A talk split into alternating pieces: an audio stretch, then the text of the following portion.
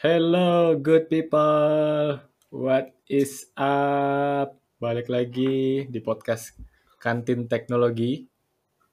Seperti biasa, gue ditemenin sama Rian dan Vino. Say hi guys. Hai, hai, hai. Yo, what's up?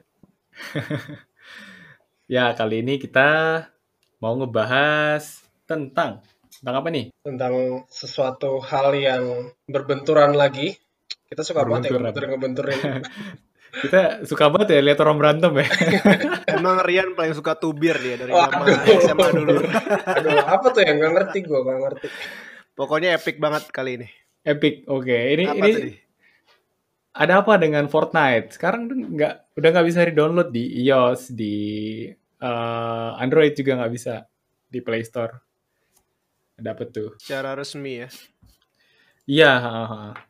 Jadi eh, ini kayak eh, pertengahan Agustus kemarin eh, ada game, ada game di mobile, di mobile platform di iOS dan Android itu nggak bisa diakses di eh, store resmi platform masing-masing. Kalau di iOS nggak bisa diakses di eh, App Store-nya, kalau di Android nggak bisa diakses lagi dari eh, Play Store gitu. Google Dan ini- Play Store. Bukan game main-main ya. Game Bukan game main-main. Se- Game sebelum main-main. sebelum Among Us sekarang kan lagi terkenal banget Among Us atau si Fall Guys ya gue sih itu masih Mobile Legends sih. Mobile Legends itu Fortnite yang yang megang reign sebagai kayak po- most popular game kayaknya kayaknya gue nggak tahu Atau juga PUBG. Mobile. Ah, PUBG Mobile juga gitu Lumayan juga. Ya. ini berkaitan sama gaming lagi nih. Eh, jadi ceritanya di eh kita kita kasih tahu dikit deh Fortnite itu apa. Jadi Fortnite itu game battle royale multi-platform yang bikin eh, software company eh, gaming company namanya Epic Epic Games. Terus eh, yang bermasalah sama si Epic ini adalah Apple dan Google. Kenapa? Karena oh, pada pertengahan Agustus 2020, Epic ini nge-violate salah satu kayak syarat eh, syarat buat developer operate si aplikasinya di eh, ya respective platform di Apple dan di Google. Jadi Epic nge ngeaktifin fitur buat transaksi langsung dari aplikasi mereka tanpa tanpa lewat lewat jalur yang udah disediain sama si Apple sama Google ini Eh, Ibaratnya nge-bypass gitu ya. nge-bypass nge-bypass sistem Di luar Platformnya. SOP gitu ya. di luar di luar SOP ya. Kalau kalau dari sisi si gamer, si player itu ngelihatnya wah ini eh, si harga virtual itemnya bisa jadi lebih murah gitu. Dijual si, si- jadi si Epic ngejual eh, virtual item namanya V VBuck gitu. Package VBuck yang satu dengan quantity yang sama, quantity virtual item yang sama. Kalau beli via eh, SOP yang benar di Apple dan Google itu harganya 9,99 dolar kalau nggak salah. Mm-mm. Nah, kalau kalau beli langsung dari eh, ya sebenarnya kayak cuma tombol beda doang kalau di game gitu. Mm-mm. Tapi be- di back end-nya beda gitu. Itu kayak cuma cuma itu. bayar 7 7 dolar. Lebih murah. Hmm, kayak di food court gitu ya. Jadi Gimana gimana di food court? Ada orang yang masak biasanya kan dia harus eh, pembayarannya harus lewat kasirnya dulu ya di food Oh court. iya, centralized Nah biasanya. ini tiba-tiba dia bilang lo kalau beli apa namanya nasi goreng kambing lewat gua, gua kasih diskon 20%. kalau lo bayarnya langsung nggak lewat kasir. Kira-kira gitu kali. Iya, ha. kira-kira gitu.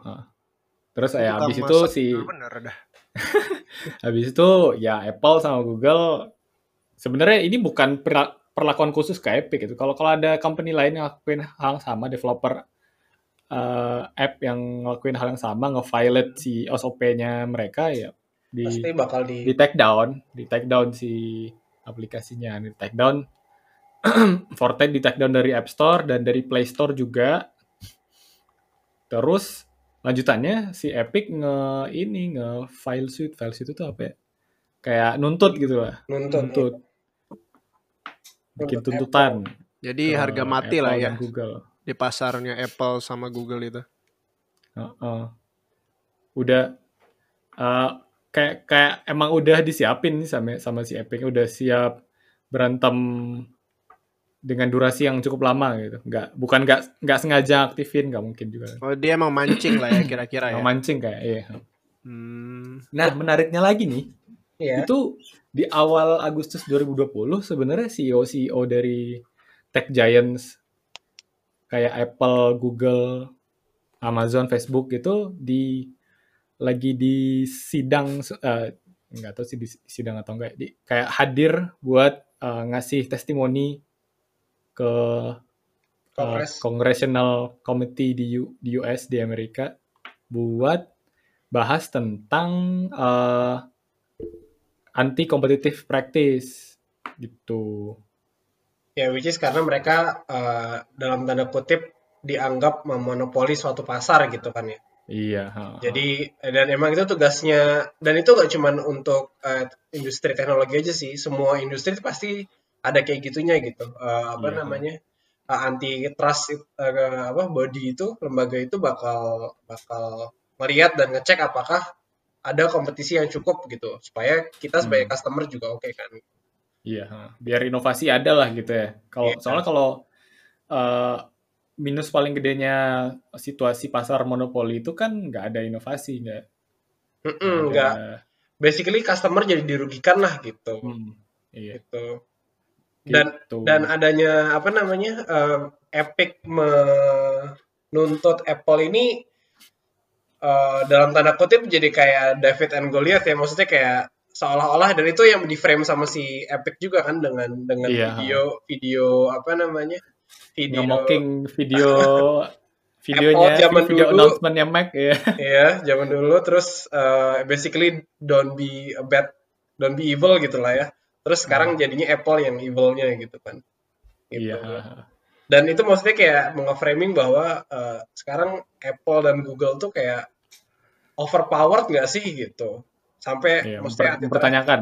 iya gitu dan ini suatu Hmm. simbol lah ibaratnya di mana kayak eh, dengan adanya terus-terusan emerging teknologi terkait di apa namanya di IT dan internet itu semakin ma- apakah mereka bakal semakin overpowered atau eh, apa namanya regulasi atau regulator bisa ngebantu untuk membawa keadilan bagi Mencegah, masyarakat ya, gitu mencegah dengan Epic sebagai terjadi. iya dengan Epic sebagai satria baju hitamnya lah Iya iya.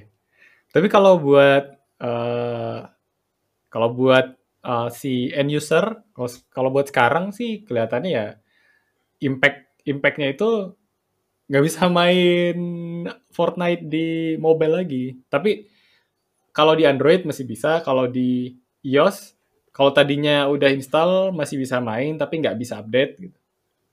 nah Kayak, Jadi kayak remeh servernya gitu. ya. masih servernya masih jalan gitu ya buat Masih, masih. iOS. Ha-ha. Terus kalau di Google Play dia bisa di sideload gitu ya pakai APK biasanya Iya orang-orang pakai APK ya. atau di Samsung App Ah, Store. Install di luar Oh. Google Play. Jadi Iya. intinya yang jadi masalah sebenarnya eh, mungkin si Epic jadi nggak bisa nyari duit lagi. Soalnya kan sebenarnya pada dasarnya tuh game gratis kan. Yep. Yang ada in-app purchase gitu ya. Yang orang bisa beli apa sih kosmetik ya namanya. Eh, Iya, kostum kosmetik. lah, eh, Kostum. tarian apa eh, warna senjata atau apa gitu segala macem. Yang biasanya anak-anak kan yang main kalau Lu juga main aja. gue masih anak-anak juga, gue main juga. ya tapi kalau ngelihat dari demografinya memang 50 persenan itu yang main Iya, Fortnite itu. 10 Eh, umur 10 bukan preschool sampai sih, 25 mungkin tahun. Ah, Iya, memang demografinya paling banyak bocah-bocah gitu. Hmm. Ya kan gue masih di bawah 25 kan.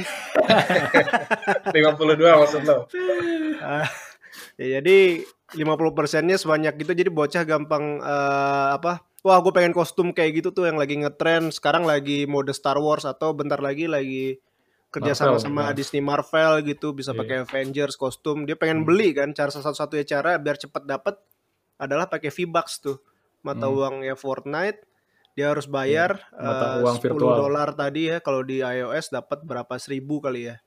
Atau berapa? Gua- Tapi kalau beli langsung ke Epic cuma 8 dolar gitu ya, diskon 20% kalau gua nggak salah Hmm. ingat. Yep. Nah di sini si Apple kayak nggak terima itu di luar SOP dicabut, bener Hmm. gak sih? Dicabut seakun-akunnya bener gak? Epic Nah, jadi nggak boleh ada ada ada lagi. ada lanjutannya nih. Awalnya cuma Oh. kayak nge awalnya cuma si aplikasinya di ban dari uh, App Store. Aplikasi ditarik gitu ya, nggak bisa Apple. diinstal. Hmm. Google juga nge-narik si uh, aplikasinya menghilangkan si Oke. aplikasinya dari dari Play Fortnite dari Fortnite dari Ada Play Store. baru gitu. Nah, si Epic nih ada lanjutannya lagi dia melakukan tindakan yang lebih lebih lebih kejam gitu. Si Apple maksudnya, si Apple Eh si, si melakukan- Apple, Apple melakukan tindakan yang lebih Lebih kejam kejam. daripada sekedar nge-ban doang. Jadi Oke. si Apple Lebih sadis. nge-ban, eh, nge-revoke, eh, nge-nonaktifin eh, developer account-nya Epic as a company. Jadi jadi si Epic ini kan nggak nggak cuma bikin Fortnite. Fortnite doang, tapi mereka juga bikin eh, eh, game engine namanya, aplikasi kayak buat bikin game ya. Jadi mereka bikin aplikasi buat developer lain bikin Bikin game. bikin game ah. kayak semacam Hmm. platform juga lah gitu kan. Si Nah, ini- Unity itu kan. Mirip kayak Unity, Unreal, Unity, Unreal, Godot. eh, Oke. jadi game engine, game engine punyanya Apple ini ad- ada kemungkinan nggak bisa Epic. rilis update lagi di Mac OS. Padahal ya Jadi ya lumayan karena- juga yang yang make Unreal di Mac kayaknya. Karena Jadi- apa satu tubir-tubiran ini dia satu perusahaan di di blacklist istilahnya gitu ya. Di blacklist ya dari Akunnya dari dihilangin gitu. dari Buset. platformnya si Yang nggak ada ya. hubungannya sama Fortnite kena semua itu maksud lo kan? Iya, Jadi jadi impact keduanya sebenarnya selain nggak bisa mainin uh, Fortnite buat uh, end customer, end user kayak kayak kita kebanyakan, Mhm. Itu impact Mhm. keduanya berarti uh, developer-developer yang udah biasa pakai Unreal Engine yang yang dibuat oleh si Epic ini juga Mhm. itu juga nggak bisa ngupdate game-game mereka gitu ya di iOS. Po- potensi jangka panjangnya seperti itu. Tapi kalau yang sekarang yang udah kejadian tuh baru si Epic-nya nggak bisa ngerilis Unreal Engine versi baru di Mac. gitu. Tapi Oh. kalau Oh, Oke.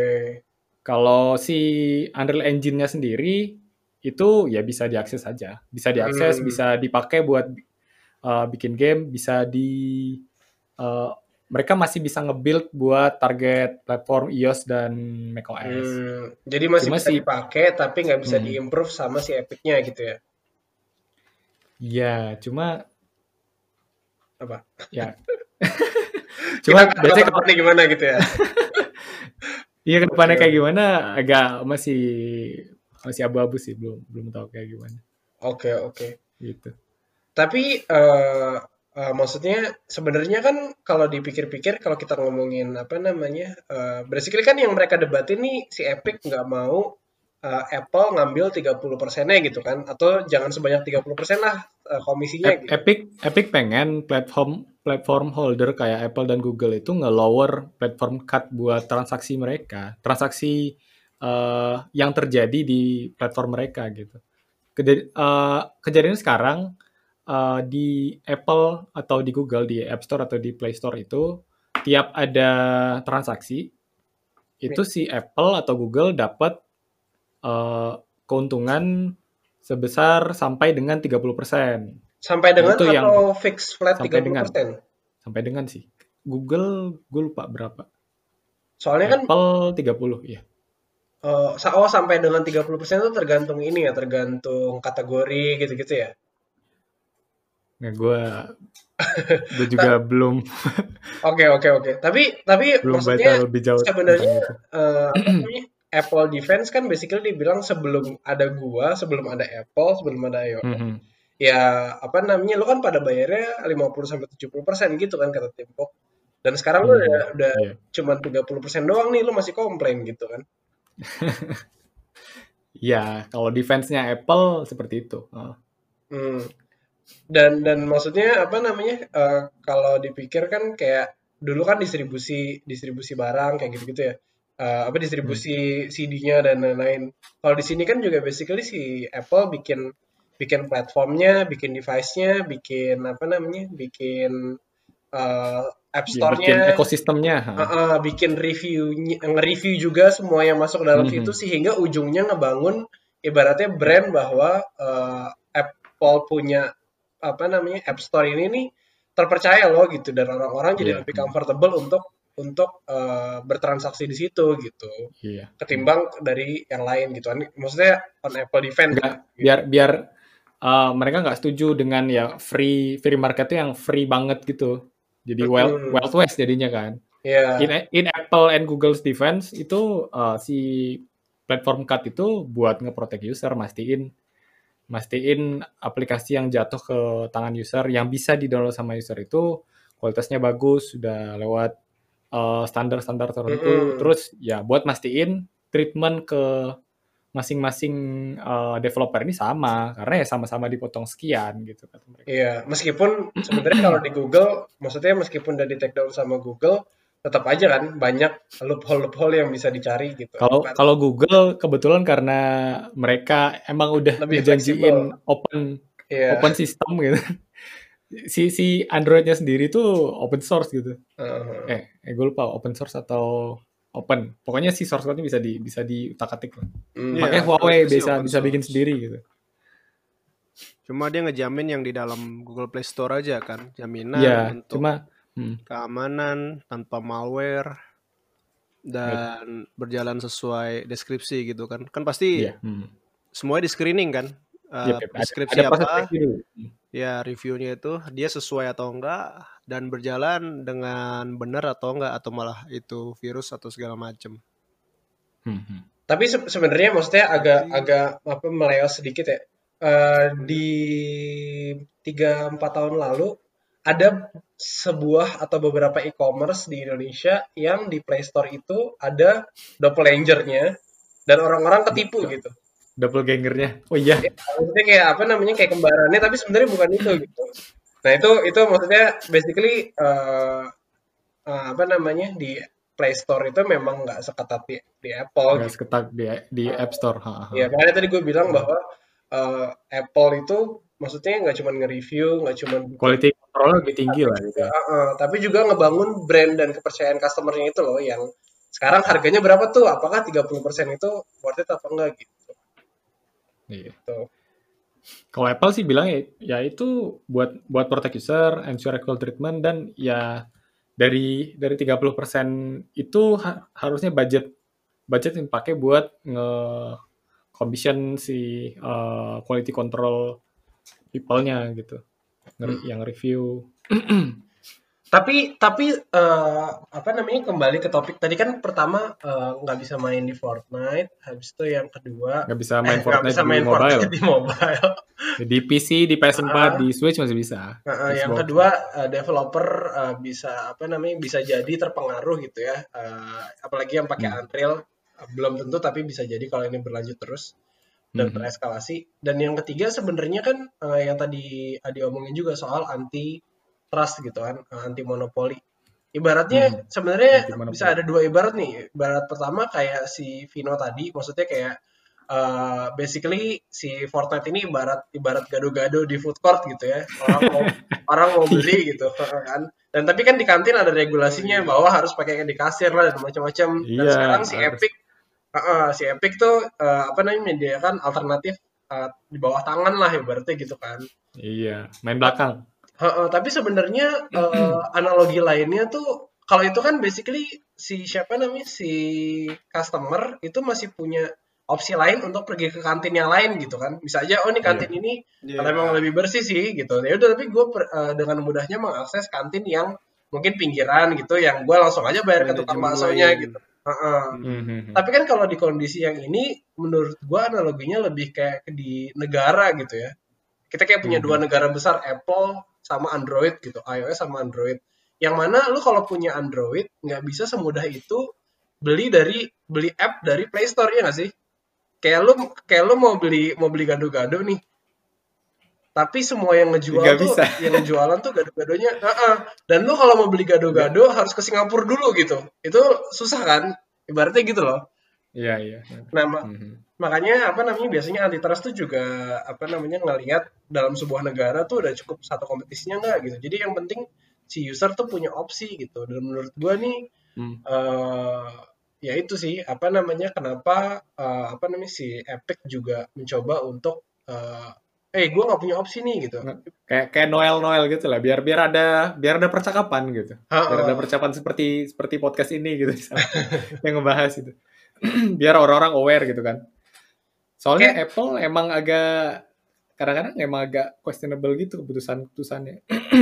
sebenarnya gue udah cukup udah cukup happy sih ngelihat di Android eh, apa namanya ibaratnya lo bisa pindah pindah kantin gitu dari Play Store ke eh, apa tuh Galaxy Store kalau di Samsung Galaxy gitu. Store atau Ah. kayak ya banyak lah yang Juga. yang sebenarnya banyak sekarang orang ngejadiin aplikasi itu sebagai gateway buat ya platform mereka sendiri gitu kayak si WeChat, Line Mm-mm, itu aplikasi mereka Gojek jadi super super application gitu kan. mm-mm, super app, Di- app.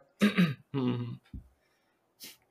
Tapi Gitu. kalau kalau Apple nih punya pu- punya track record kalau eh, kayak kalau mereka punya produk buat yang nge-tackle spesifik eh, problem di platform mereka, mereka kayak mempersulit kompetisi gitu. Kayak masalah si Spotify dengan Apple Music gitu. Oh iya iya iya. Jadi basically dia punya bias eh, karena dia juga jualan gitu kan. Ibaratnya Iya, lo, dia juga jualan jadinya. lo punya kantin tapi lu juga jualan minuman, lu juga jualan makanan gitu kan. Iya. heeh. Iya, iya, Dan iya. kalau kalau dari stance mereka, ya kalian udah untung kita boleh jualan di sini. dan dan Coba di refresh lagi dulu kenapa tuh Spo- eh, Apple Music yang dibikin susah si Spotify kenapa ya? sekarang Kalau sekarang dia mau mau ini ya langganannya itu ya. Iya, maksudnya bisnisnya si Apple kan itu eh, nggak cuman soal eh, device-nya ya, tapi juga services-nya ya. Maksudnya sekarang dia Iya. punya, dia tadinya kan ngebangunnya kan dari iTunes, dari jual musik dan macam-macam. Terus kemudian Spotify datang, ibaratnya ngedisrupt mereka lah gitu. Dan sekarang Hmm. pun Spotify kalau lu kalau lu bayar itu kan lewat ini kan, lewat apa namanya, eh, basically kredit, eh, bahkan lu nggak perlu pakai credit card lewat eh, webnya mereka gitu bisa ada payment-payment options-nya gitu. Makanya itulah cara si Spotify nge-bypass sistemnya si eh, Apple gitu, si App Store gitu sih. Nah, Mhm. Kalau misalnya apa namanya eh, soal eh, App Store itu maksudnya itu on on defense-nya si siapa namanya si Epic ya basically gua nggak punya opsi nih kalau di Apple gitu. Iya, Dan- nggak ada opsi lain. Heeh. Dan menariknya Epic tuh nggak nggak apa namanya nggak menuntut. Setahu gue di Xbox sama PS5 itu ada Fortnite juga kan. Ada Tapi ada. tapi mereka ibaratnya tuh nggak nggak nggak nuntut eh, apa namanya Sony sama Microsoft untuk itu karena eh, mereka menganggap bahwa si eh, Sony dan Microsoft itu itu ibaratnya ngejual device-nya itu tuh oh, jual rugi gitu dan mereka apa namanya emang ngambil untungnya dari dari ya game-game itu gitu. Ya dari Ah, transaksi dari transaksi transaksi itu. game ya. Sedangkan kalau Apple kalau Apple udah jualan barang HP itu Untung jualan ada deh. eh, untung, Service habis juga. ambil dari orang juga gitu. Iya. Too much ya, too much. Heeh. Memang Apple dari atas sampai bawah supply chain-nya semuanya dia yang pegang ya. Jadi Iya. End, end to end. software dan hardware ya benar-benar dikontrol gitu. Dan ya maksud gue itulah yang membuat Apple eh, bahkan sekarang jadi the biggest company in the world ya, 2 trillion dollar company bahkan melebihin Saudi Aramco eh, sekarang. Maksudnya Saudi Aramco tuh eh, oil company, the largest oil company lah di dunia sekarang udah di Oh iya, oh, gua nggak tahu. Bukannya dia Gua- digital gua company kalau- ya, tapi kalau Be- company biggest digital company tahu gua. Enggak, eh, siapa namanya? Si Saudi Aramco kan tahun lalu, apa dua tahun tahun lalu ya baru IPO kan? Apa awal tahun ini malah? Itu di Gua situ di waktu waktu di IPO itu the largest IPO 2 triliun dollar. Maksudnya membuat dia terbesar lah. Tapi gara-gara Walmart nomor satu cuy. seriusan sekarang Walmart Gak Enggak, mungkin, gua, gua gak searching mungkin. aja ini. nggak mungkin. Gara-gara corona Walmart, ini, Sinopec, Royal Dutch Shell, China Petroleum, Be- itu beda- itu beda- kayaknya bukan ini deh bukan Bukan ya?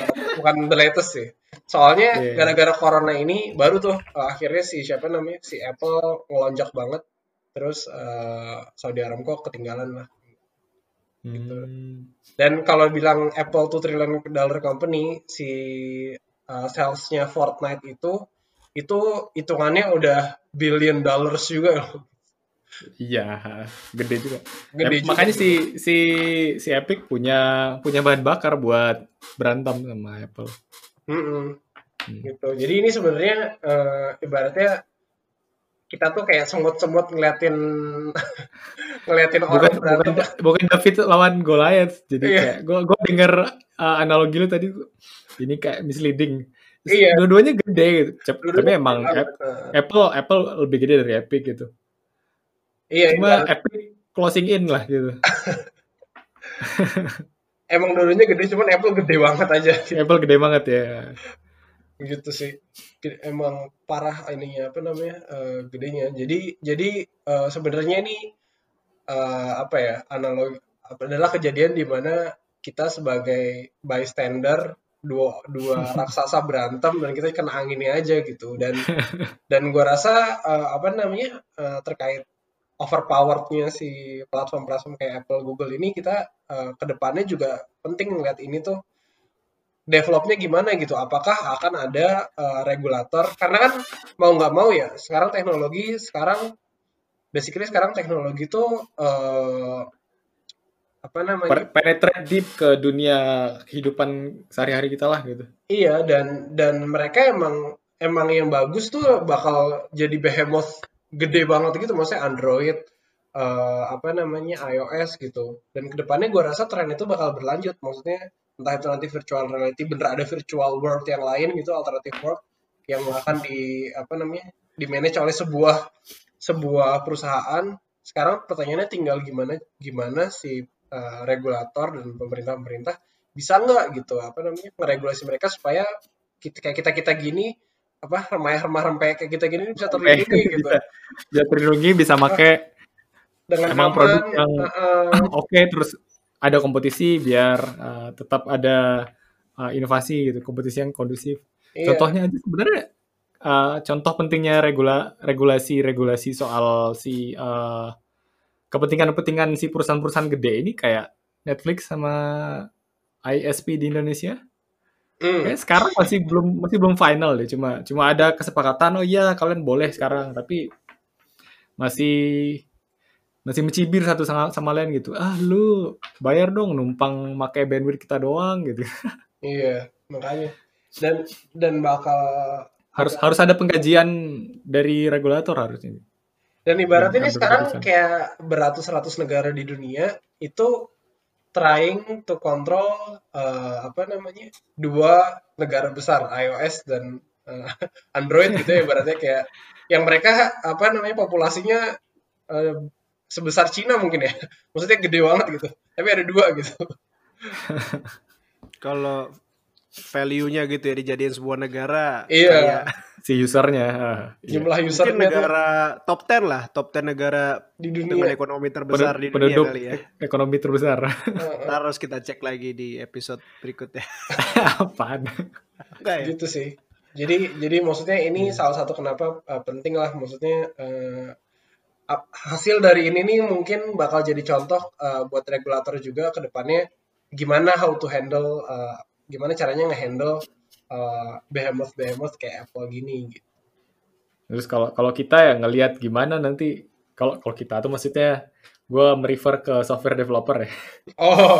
Kalau buat software lu, developer lu, tuh, maksudnya lu iya iya. Gue tadi otomatis ngelompokin kita bertiga sebagai kita gitu, tapi eh bukan beda.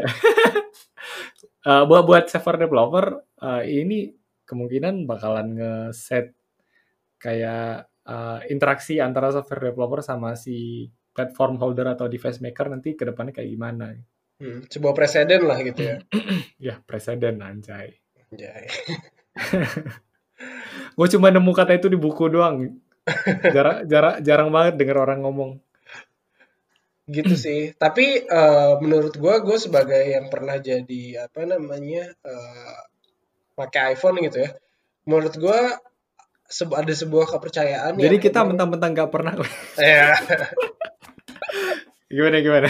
maksudnya eh, gua Maksudnya rasa lu di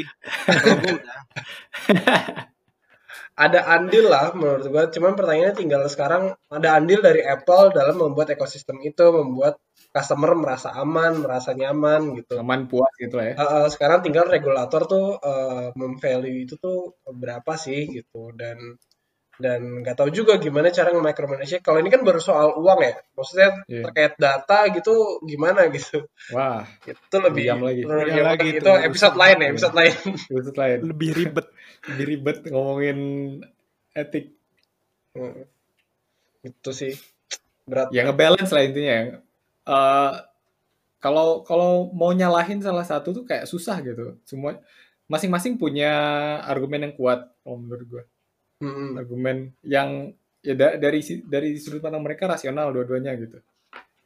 Tinggal dicari titik tengahnya. Ta- Tapi selalu kan buat nyari titik tengah tuh nggak gampang buat bikin solusi yang win-win gitu.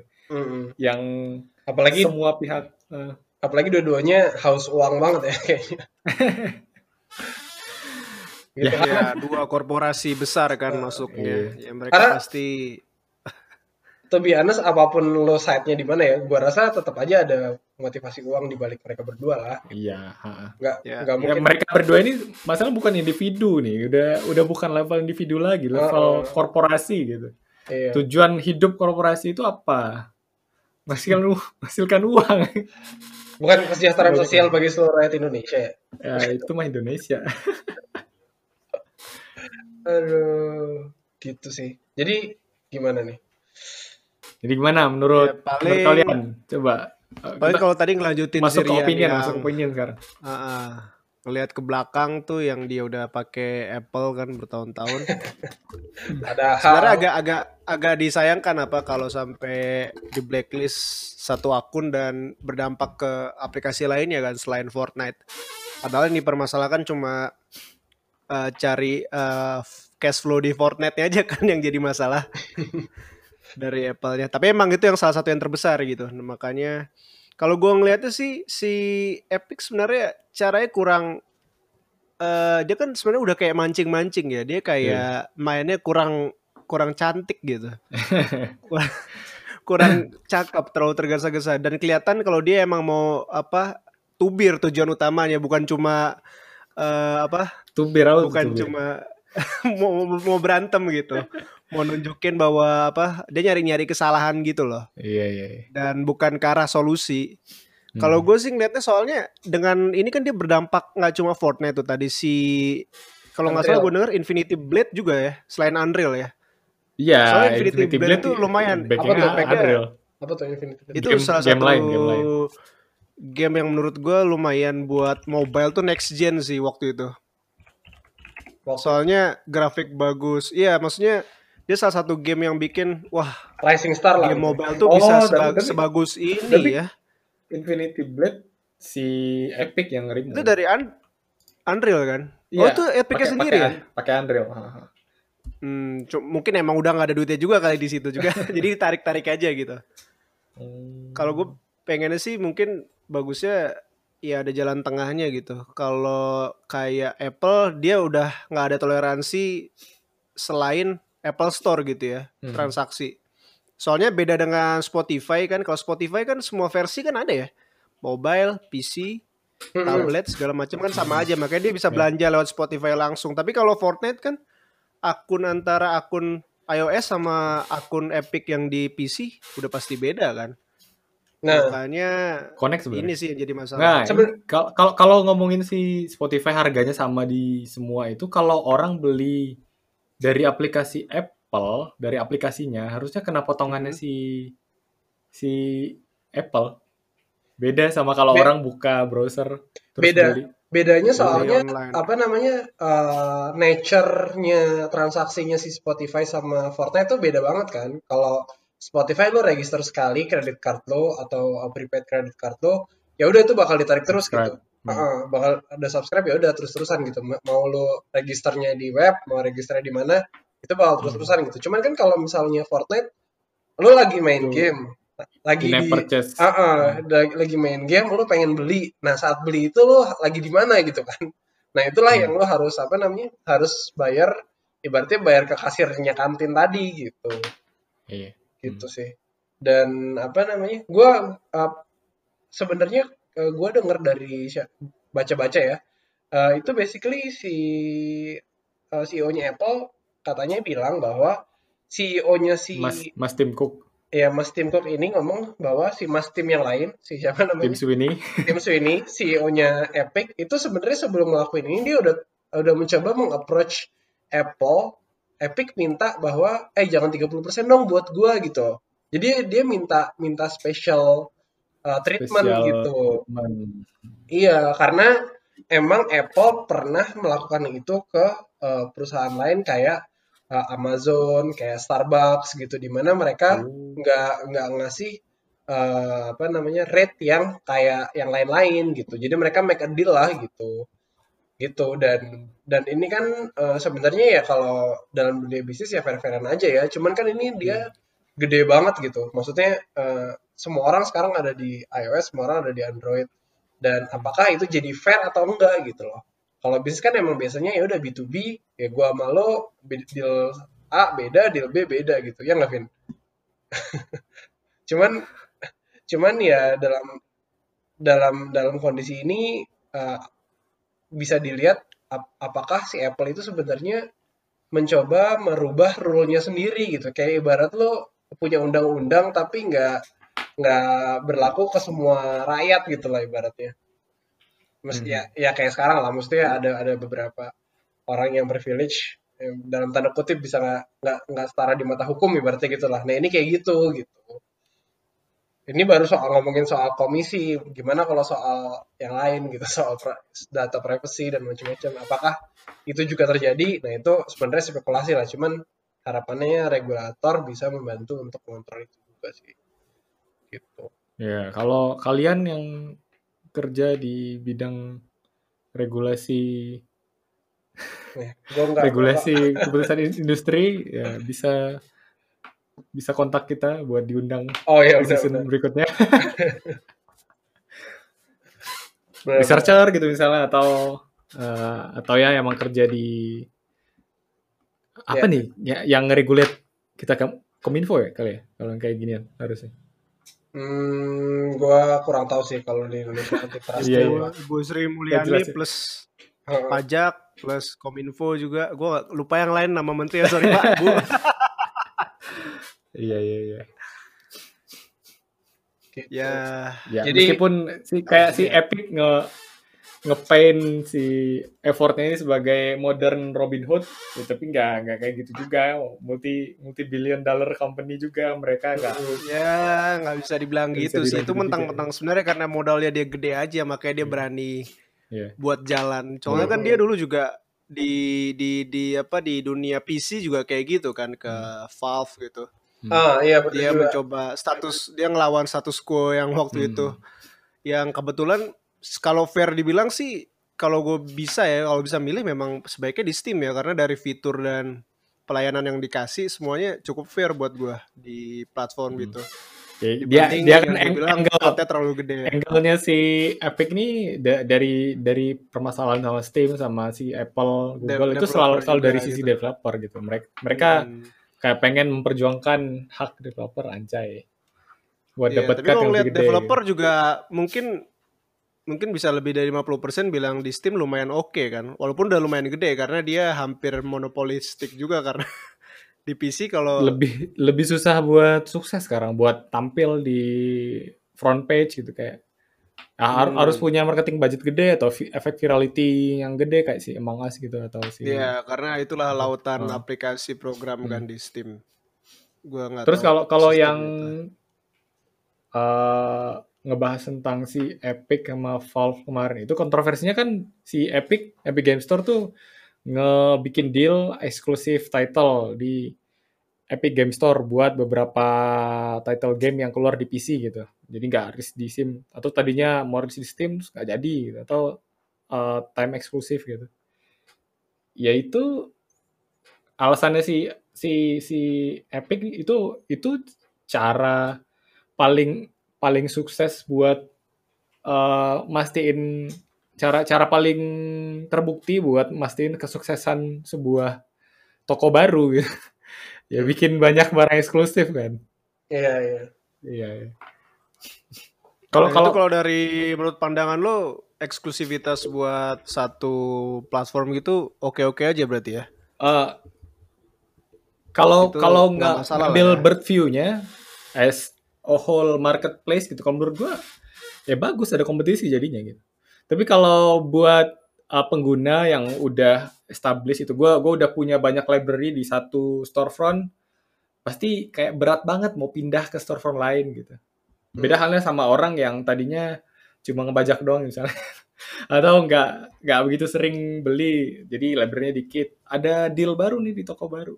Ka- Kan itu juga yang dilakukan sama si uh, marketplace marketplace e-commerce Indonesia kan. Iya, iya. saingan saingan saingan exclusivity Hmm, user ada base, ada ya, traffic. ada elektronik baru rilis cuma cuma bisa dibeli di uh, e-store mereka di, di toko, toko hijau ini gitu. Ah. Mm-mm. atau kalau beli di toko Toko toko mereka uh, diskon gitu gitu kan ya kalau Iya. menurut gue da- kalau kalau ngambil bird view ya fine fine aja sih kalau kayak gitu. Iya, maksudnya kalau misalnya ngomongin eh, apa namanya? Kalau loncat ngomongin ke platform PC, sebenarnya analoginya jadi kayak ke mall atau ke kantin aja sih, karena lo bisa Iya. gampang aja eh, ada Steam, ada Origin, ada Iya. Valve, gampang ngebikin ngebikin store barunya tuh nggak nggak kayak ngebikin platform baru gitu Eh, jadi kalau- lo bisa pindah-pindah dengan mudah kan gitu. Iya. Kalau kalau Apple nggak ada opsi lain. Kalau Iya. mau udah masuk kayak ke sistem mereka ya pakai cara mereka. gitu. Heeh. Begitu juga sebenarnya dengan dengan Android ya, maksudnya eh, Hmm. tapi dengan lebih ada fleksibilitas gitu kalau Android. Meskipun Hmm. at your own risk gitu. Kalau analoginya siapa namanya? Ah, podcast MKBHD kayak oke lu eh, mau naik roller coaster. Eh, oke silahkan gitu. Mau nggak pakai seatbelt nggak apa-apa juga gitu. Paling depan nggak apa-apa juga gitu. Ibaratnya gitu kalau di Play Store gitu. Apa Iya. namanya? Karena basically kalau, kalau ngedownload mungkin kayak kayak ini ya, kayak luxury car gitu ya. Jadi silahkan duduk, Iya. tapi pakai peraturan kita gitu. ya eh, nggak boleh nggak boleh pakai sandal jepit, nggak boleh apa. Kalau mau- Nggak boleh pakai celana pendek gitu. Harus pakai jas. Hmm, Kalau pakai kaos iya. diusir gitu. Masuk bayar tiket. gitu sih. Jadi emang untuk sekarang sih setiap karakter punya apa namanya tempatnya masing-masing lah. Maksudnya kayak yang wild dan eksperimental emang Android, yang apa namanya eh, rich pips mungkin ke ke mana ke iOS. Lebih lebih ini aja sih kalau iOS bukan bukan rich ya. Sekarang Iya, udah ada- mereka udah udah udah Menjamah. mulai ini udah menjamah pasar sih. pasar yang eh, mid and low end gitu lah Iya, menengah dengan iPhone SE lah ya. Cuman sebenarnya iPhone SE eh, eh, dibilang maksudnya kalau nyampe ke Indonesia-nya kan mahal juga kan. mahal juga iya Nah, kecuali kalau lo di di US atau di Cina, Premium tax itu. iya. Tapi kan itu dari user ya, apa kalau Android ini kere hore, murah, bebas. Mm. Terus Apple itu lumayan mahal, lu perlu duit segini, lu kalau kere sebaiknya jangan di sini deh, ntar habis duit lu bisa gitu, atau nggak bisa beli. Tapi kalau dari lu di developer kan pasti ada pasti ada preferensi nih, lu mendingan bikin aplikasi gitu buat Android atau lu bikin di App Store-nya Apple. Kayaknya bikin kalau buat ngeliat dua-duanya lah statistik kayaknya orang-orang Tapi pasti ada pasti ada preferensi. bisa bikin dua Enakan bikin di Kalau- Apple Store atau kalau kalau soal difficult Potensi technicalnya sama aja kalau potensi Hmm. sukses bisnisnya di di dilihat dari track record KPI secara bisnis standpoint. Hmm. dari quality usernya lebih berkualitas yang Apple Iya, lebih lah. orangnya lebih Ah. lebih mau buat engage sama aplikasinya tapi tapi kalau Android itu bagusnya eh, mereka nggak nggak gampang buat dimin di eh, apa ya ditawar buat ngebayar ngebayar eh, ngebeli gitu tapi mereka eh, eksploratif banget si usernya jadi eh mereka suka nyoba-nyobain aplikasi baru karena karena emang opsinya banyak banget kan jauh lebih banyak daripada App Store Hmm. kalau App Store nggak Hmm. nggak nggak begitu sering ganti-ganti aplikasi cuma kalau udah stick itu kayak mereka gampang buat eh, break threshold jadi paying user gitu misalnya Hmm, oke.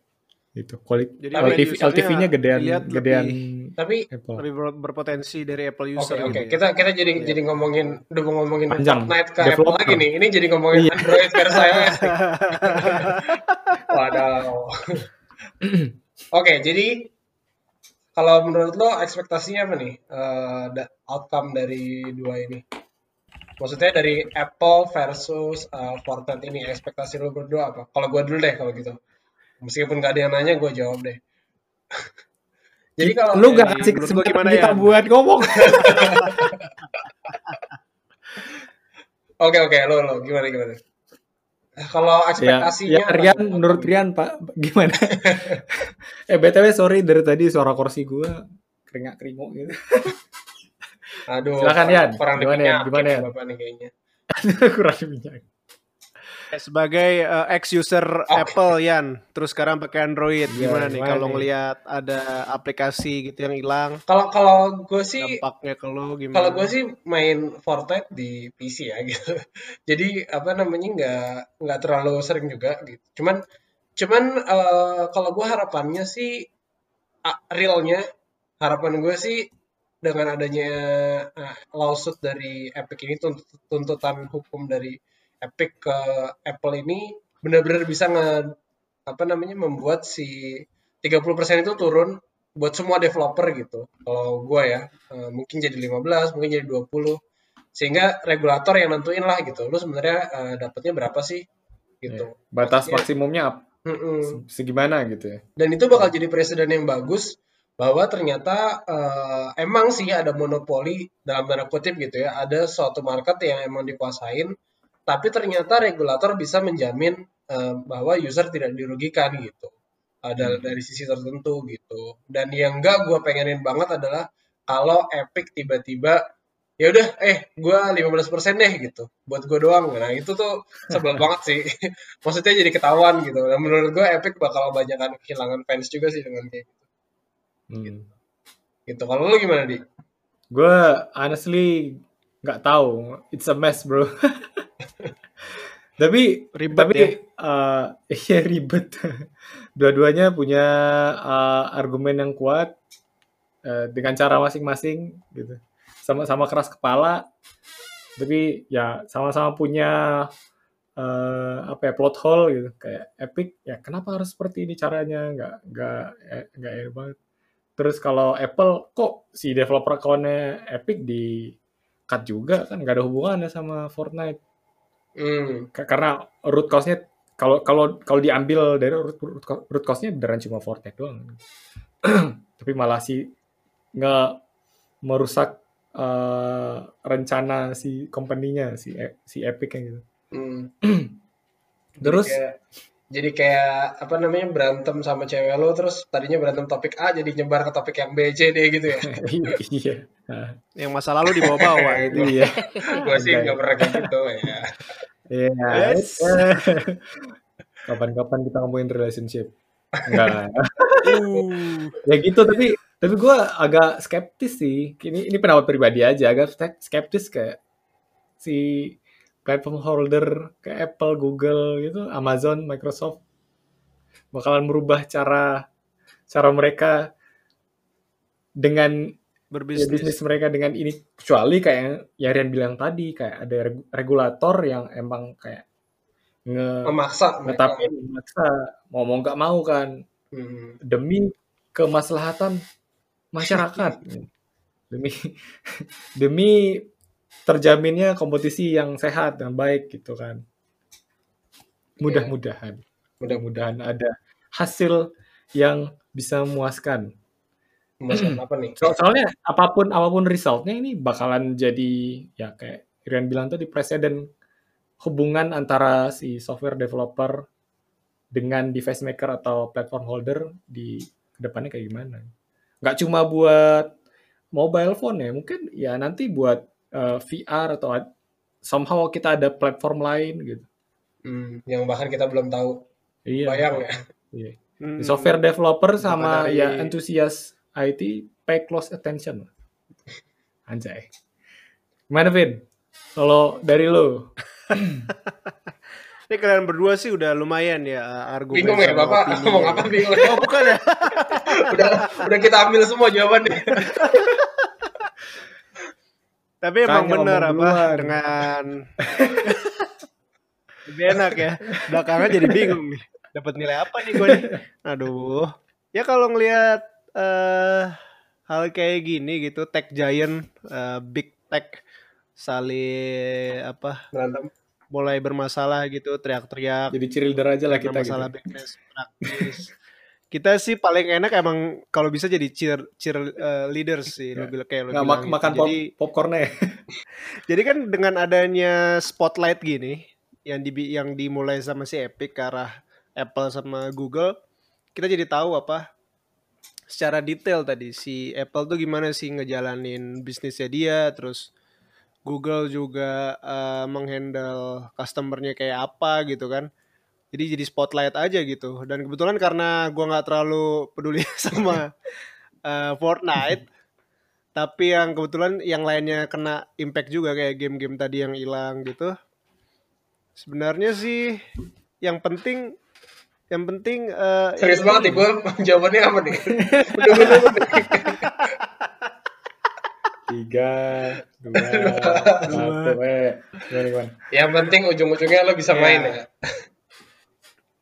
Iya, yang penting sih dari kalau bisa ya apa eh, mereka menghandle si iOS, Apple atau Google menghandle eh, bisnis ke arah developernya gitu eh, tetap oke-oke aja selama nggak ada masalah monopoli yang ke arah terlalu evil gitu jadi evil corp kan itu menurut gue masih oke. Jadi ini kayak su- cuma kayak apa istilahnya batu sandung aja gitu. Hmm. Kecil Buat ingetin ya. di jangan- dunia iya buat ngingetin doang Hmm. di dunia digital ini jadi menurut gua nggak terlalu sebesar itu sih Hmm. cuma di masa depan mungkin impactnya lumayan gede sebagai pengingat Nanti aja masa depan kalau ada Digimon nah itu baru ya. Nah,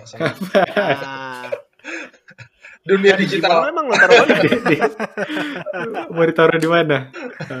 Ya, Jadi kesimpulannya apa, Di? seru lah Eh gitulah, pantengin pantengin. Ini eh, kalau eh, kalian kerja di industri IT eh, Hmm. atau bahkan sebenarnya yang yang nggak kerja di yang nggak ada kaitan sama industri IT, somehow pasti arahannya ke sana gitu kayak lampu sekarang udah ada lampu pintar gitu, pintu pintu pintar, mau naruh aplikasi di platformnya si Android sama iOS ini. Ya mereka kalian harus ngikutin regulasi mereka. Hmm. somehow uh, karena si teknologi uh, teknologi mobile ini berkembang terus gitu terus ya si para pemain kuatnya ini ya ditantang sama si Epic gitu kan Uh, ya menurut gue penting buat kita pantengin aja gitu dan, nilai dan nilai masing-masing coba coba pikirkan uh, apa dampaknya gitu. Kalau kalau menurut gue ya, gue bilang tadi kan agak agak skeptis lah bakalan berubah. Cuma terus Vino bilang yang nggak apa-apa mungkin nggak ada perubahan yang signifikan, tapi at least mereka ada yang Noel nih, ada ada ada ada proses kesandungnya dikit gitu buat nge Ada yang ngetir gitu, ya, mantau Hmm. Kalau gitu.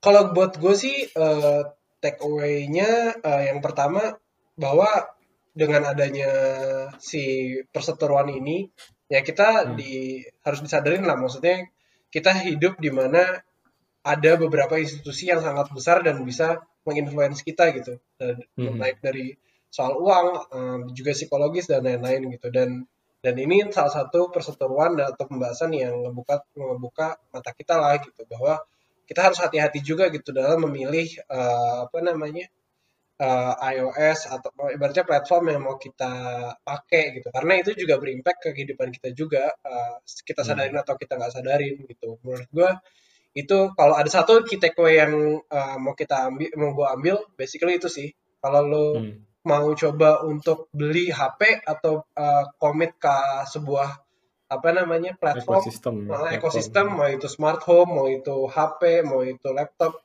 uh, lu percaya nggak sih sama yang buat dibalik itu gitu apakah Hmm. itu Apple apakah itu Google percaya nggak sih mereka Hmm. bakal ngejaga lu dengan baik gitu ya kayak ibaratnya nyari istri atau suami lah. Gitu. Anjay. What? Oh. Banget lompat komitmennya coy. Tadi cuma mau beli apa? Lampu, HP. Iya iya iya. Iya. Jangan lo ganti kayak HP kan. Milih milih istri juga. Ya. Dua tahun kemudian diganti Ya, ya. itu kan, ini- kan masa pacaran ganti dulu. Coba dulu. Lu masa lu Oh, gak pernah iya, nyobain iya, sih iya. gitu. Parah-parah. Aduh. Ya intinya ini ya. eh, coba coba cari tahu lah kan. Eh, buat barang-barang yang kita pakai, service yang kita pakai ini orang-orang atau institusi yang Di balik eh, operate di balik itu kayak gimana? Ada nggak sih? Da- Dan di atasnya institusi ini ada nggak sih yang regulate gitu? Bisa Hmm. nggak sih diregulate? Ada ada ada pertanyaan itu lagi kan? Bisa nggak sih sebenarnya? Atau emang udah terlalu gede gitu? Hmm. Gitu, we, we are doomed.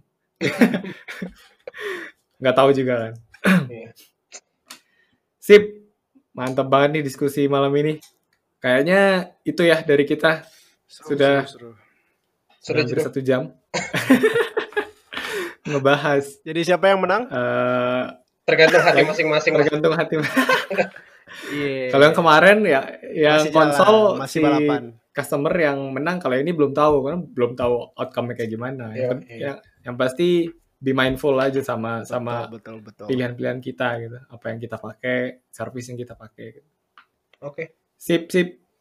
Ya sekian dari kita di Alright. episode 5 season season 0 uh, Ya, podcast kantin teknologi ini.